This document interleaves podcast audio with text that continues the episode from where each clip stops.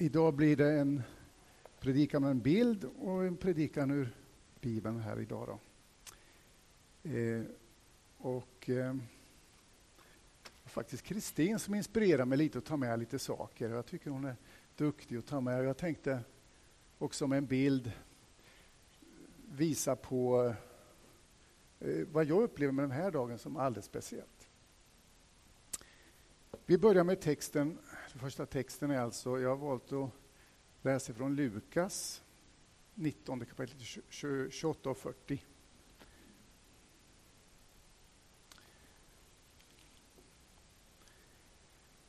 Och det handlar ju förstås om Jesu intåg i Jerusalem. Sedan Jesus hade sagt detta gick han framför den upp till Jerusalem. Då han närmade sig Betfage och Betania vid det berg som kallas Oljeberget sände han iväg två av sina lärjungar och sa Gå till byn rakt framför er.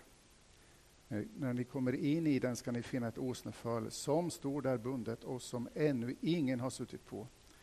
Lös det och led hit det. Om någon frågar er varför ni löser det ska ni svara Herren behöver det. Det var de som var utsända begav sig iväg och fann att det var som han hade sagt det. Och de löste fölet. Då frågade de som ägde det Varför löser ni fölet? De svarade Herren behöver det. Och de ledde det till Jesus och la sina mantlar på det och lät Jesus sitta upp. Och där han red fram bredde man ut sina mantlar på vägen. Då han närmade sig sluttningen av Oljeberget började hela skaran av lärjungar i sin glädje prisa Gud med hög röst för alla de kraftgärningar som de hade sett. Välsignad är han som kommer, konungen, i Herrens namn. Frid i himlen och ära i höjden. Några fariser i folkmassan sa då till honom Mästare, säg åt dina lärjungar att tiga. Han svarade jag säger er att om de tiger kommer stenarna att ropa. Mm.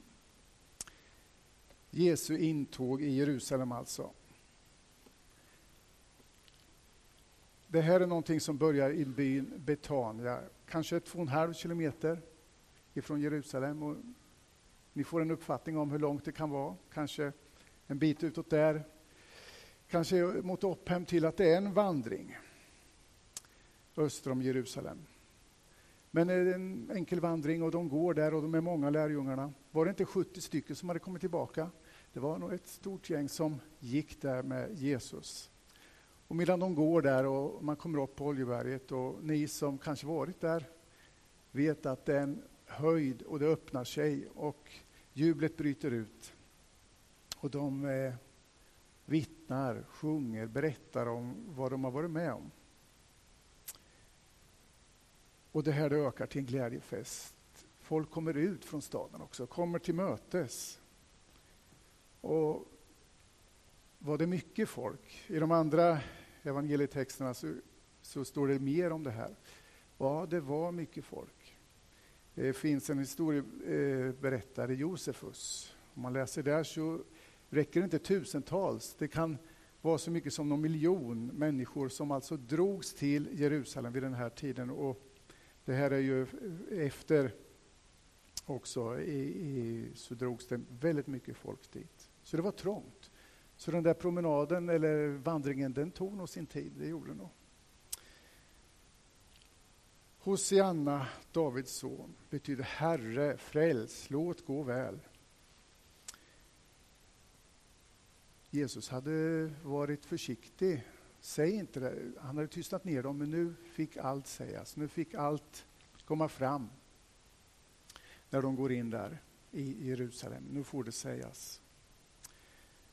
Hur var Jerusalem vid den här tiden? Vad var, hur var, hur var eh, förväntan? Hur, hur, vad var det människor väntade på? Jo, Johannes hade ju verkat och hans doprörelse hade väckt en messiaslängtan. Och i den här tiden så ja, det var som man kunde ta på det säkert, att så många väntade och längtade efter Messias. Och när han kommer så är det som att det brister ut och människorna kommer i rörelse och man frågar, vem är han? Vem är han? Ja, men det är profeten, profeten från Nasaret. Och mycket av det här är också att man var ju trött på, i den här staden, var som en krutdurk, man var ju trött på romarna. Man ville slänga av sig det oket, man ville vara fria, man ville vara som ett folk. Så man förstår att, att det var mycket av tryck i den här staden. Och här kommer Jesus, mellan palmblad, svärd och spjut, så kommer han. Palmbladen är ju en befrielse, det är en, en fri... Det står för fred. Och spjut och svärd, det står ju för överhet, makt, ockupation. Och Jesus kommer rakt in i en ockupation. Men han kommer också in i en ockupation av människor som är ockuperade. Som inte som är ockuperade av synd. Det är någonting som, som jag har fastnat för i den här berättelsen. Och det är så här med bibeltexter att de, de kommer lite olika till oss. Jag fastnar för de här stenarna. De här stenarna. Jag har faktiskt ett litet intresse. Jag går och samlar stenar. Jag vet inte om ni, ni också gör det ibland. Går på havsstränder och, och eh, de ena stenarna är finare än de andra. Jag har varit och rest lite grann. Jag har varit i Wales och där finns otroligt vackra stenar. Man kan gå där och, ja, man kan gå här vid Åsundens strand och hitta vackra stenar. Eller slipade träbitar. Jag, jag tycker om, om sånt. Så det, därav kanske så är det den här versen jag är särskilt intresserad av. När Jesus säger, jag säger er att om de tiger kommer stenarna att ropa. Det här om, ja, om, om, säger Jesus, om de tiger skulle stenar ropa. Jag kan tänka mig, hur ska man få tyst på en sån här eh, människosamling? Hur, hur, skulle det vara? Hur skulle den tystnaden upplevas? Det måste vara, jag vet inte hur. hur eh, jag tänker mig en stadium när det blir det är någon sportevenemang eller någonting och det är absolut tyst. Vi kan tänka att det är tusentals, tusentals människor. Skulle den tystnaden, om den var total, vad, vad skulle stenarna säga? Ja, det där det det låter faktiskt rätt otroligt att stenar skulle vilja ropa. Vad menar Jesus då?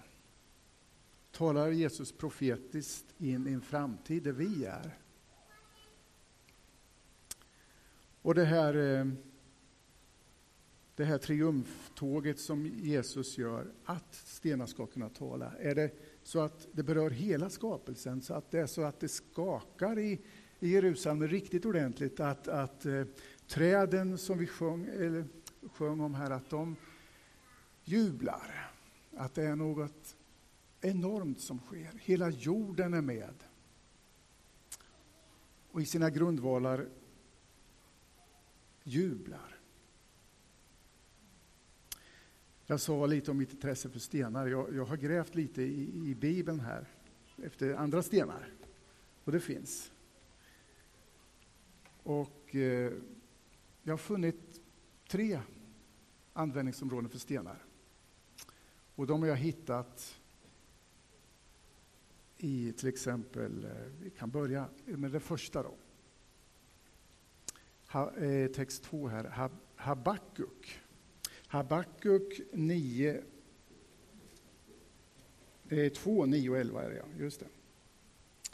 Ska vi se där.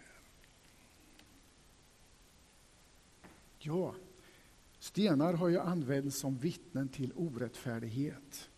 Vi är den som skaffar orättvinning åt sitt hus för att bygga sin boning högt upp och så rädda sig undan olyckans våld.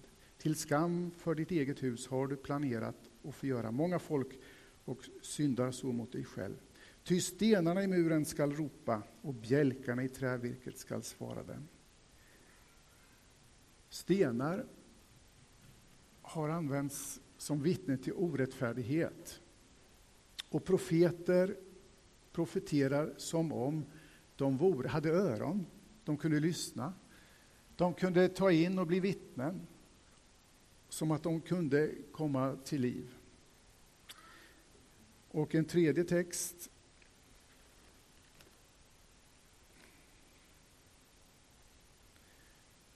De har varit vittne till förbundsstenar. Det står så här. Den dagen slöt Josua ett förbund med folket och förelade dem lag och rätt i Sikem. Josua tecknade upp allt detta i Guds lagbok. Han tog en stor sten och reste den där under eken som stod vid Herrens helgedom. Och Josua sade till allt folket Se, denna sten skall vara vittne mot oss, ty den har hört alla de ord som Herren har talat med oss. Den ska vara vittne mot er, så att ni inte förnekar er Gud. Sedan lät Josua folket gå, var och en till sin arvedel. Stenarna återkommer här som vittne till förbund. Mm. Det finns en fjärde text. Och eh, Den handlar om Jakob. Stenar används till huvudkuddar, det vet ni. Ja. Och då händer saker. Jakob får en dröm. Jakob lämnade Bersheba och begav sig mot Haran. Han kom till en plats där han måste stanna över natten, ty solen hade gått ner. Och han tog en av stenarna på platsen för att ha under huvudet och lade sig att sova. Då hade han en dröm. Han såg en stege vara rest på jorden. Den nådde ända upp till himlen och Guds änglar steg upp och ner på den. Och se, Herren stod ovanför den och sa Jag är Herren, din fader Abrahams Gud och Isaks Gud. Det land där, där du ligger skall jag ge åt dig och dina efterkommande. Och så tar han, han vaknar efter den här drömmen då. Och han anser det här är en helig plats. Det här är en helig plats och han tar fatt i den där stenen, han gjuter olja på den. Och den kommer att bli en viktig del när de bygger Herrens hus.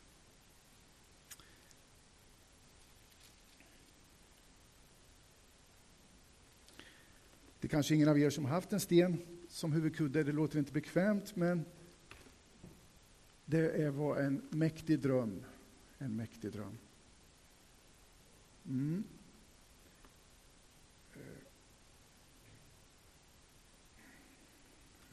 mm. Nu ska jag blanda ihop det lite här. Nu ska vi se. Mm.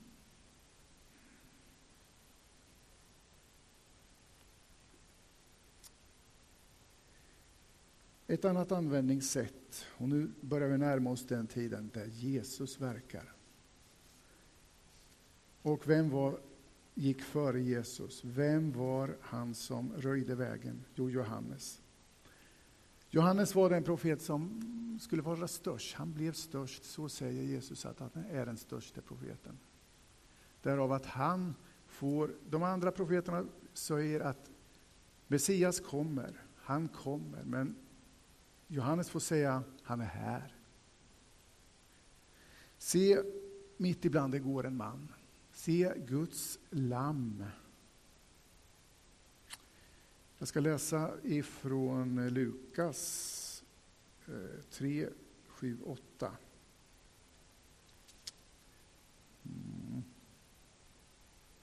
Och det handlar om Johannes. En röst ropar i öknen, bana väg för Herren, gör stigarna raka för honom. Alla dalar ska fyllas, alla berg och höjder sänkas, krokiga stigar ska rätas och ojämna vägar jämnas, och alla människor skall se Guds frälsning. Han sade till folkskarorna som kom ut för att döpas av honom ni huggorms yngel, vem har intalat er att försöka fly undan den kommande vredesdomen? Bär då sådan frukt som hör till omvändelsen. Och tänk inte, vi har Abraham till fader. Jag säger er att Gud kan uppväcka barn åt Abraham av dessa stenar. Här, här eh, profeterar eh, Johannes att stenarna ska komma till liv. Och han eh, åberopar Abraham. Barn åt Abraham. Hur var det med Abraham? Vad, vad är det han kallas? Han kallas, han kallas trons fader. Det heter om honom att han trodde Gud och det räknades honom som rättfärdighet. Och det räknades oss till välsignelse. Det var ju hans avkomma som skulle bli eh, välsignad och, och, bli stor. Den skulle bli väldigt, väldigt stor. Eh, ja, faktiskt som stjärnorna. Det är ju så det står. Och jag vet inte, och det är väldigt svårt att veta om Abraham någonsin gav sig på det med att räkna stjärnorna. Så där någon mörk natt, ligga där och, under en fårskinn och räkna stjärnorna.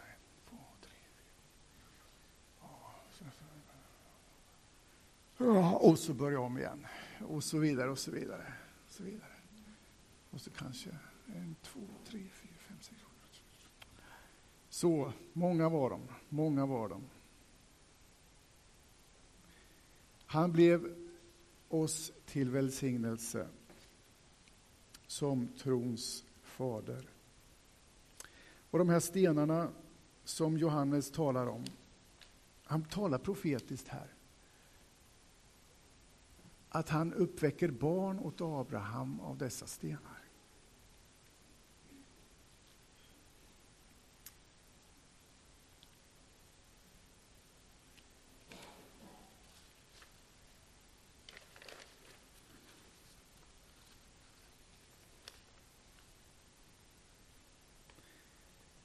Så ett tredje sätt att se eller hitta stenar eh, i Bibeln är ju första Petribrevet.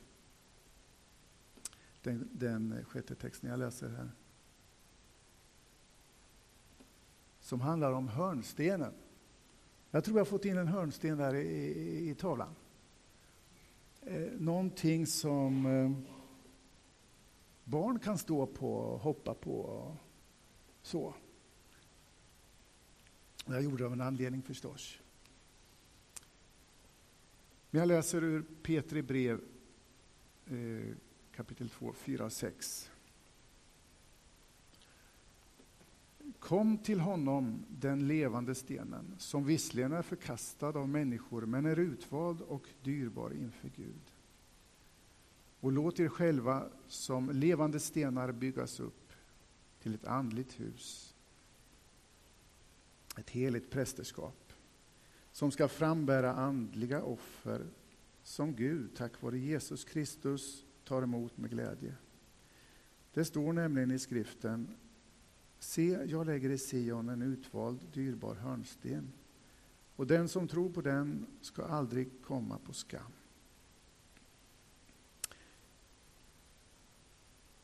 I andra evangelier så står det ju om att barnen också skulle tystas. Kan du inte få tyst på barnen på tempelplatsen där? Nej, nej, nej, nej, säger Jesus. Har ni inte hört att Herren har brett sig lov med, med barnens sång? Med, med, det står faktiskt eh, spenbarns mun, står det i någon gammal översättning. De riktigt små, de som, som inte kan prata än. Att det är som lovsång och att Herren tronar på, på, på en sådan lovsång att det är grunden för det andliga bygget.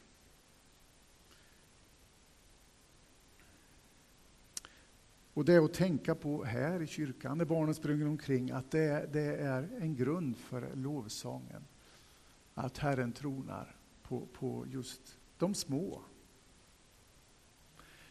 Här har jag gjort, eh, ja, i, i den här så bilden har jag gjort det kanske ser lite folktomt ut, med, eh, eh, men jag har gjort en, en hel drös med stenar som, som liksom rullar fram. Jag tänker mig att vi är som de levande stenarna som tumlas om, som finner vår plats.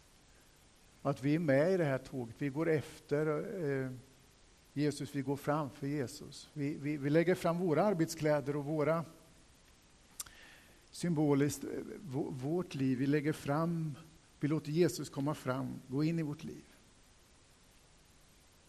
Mm.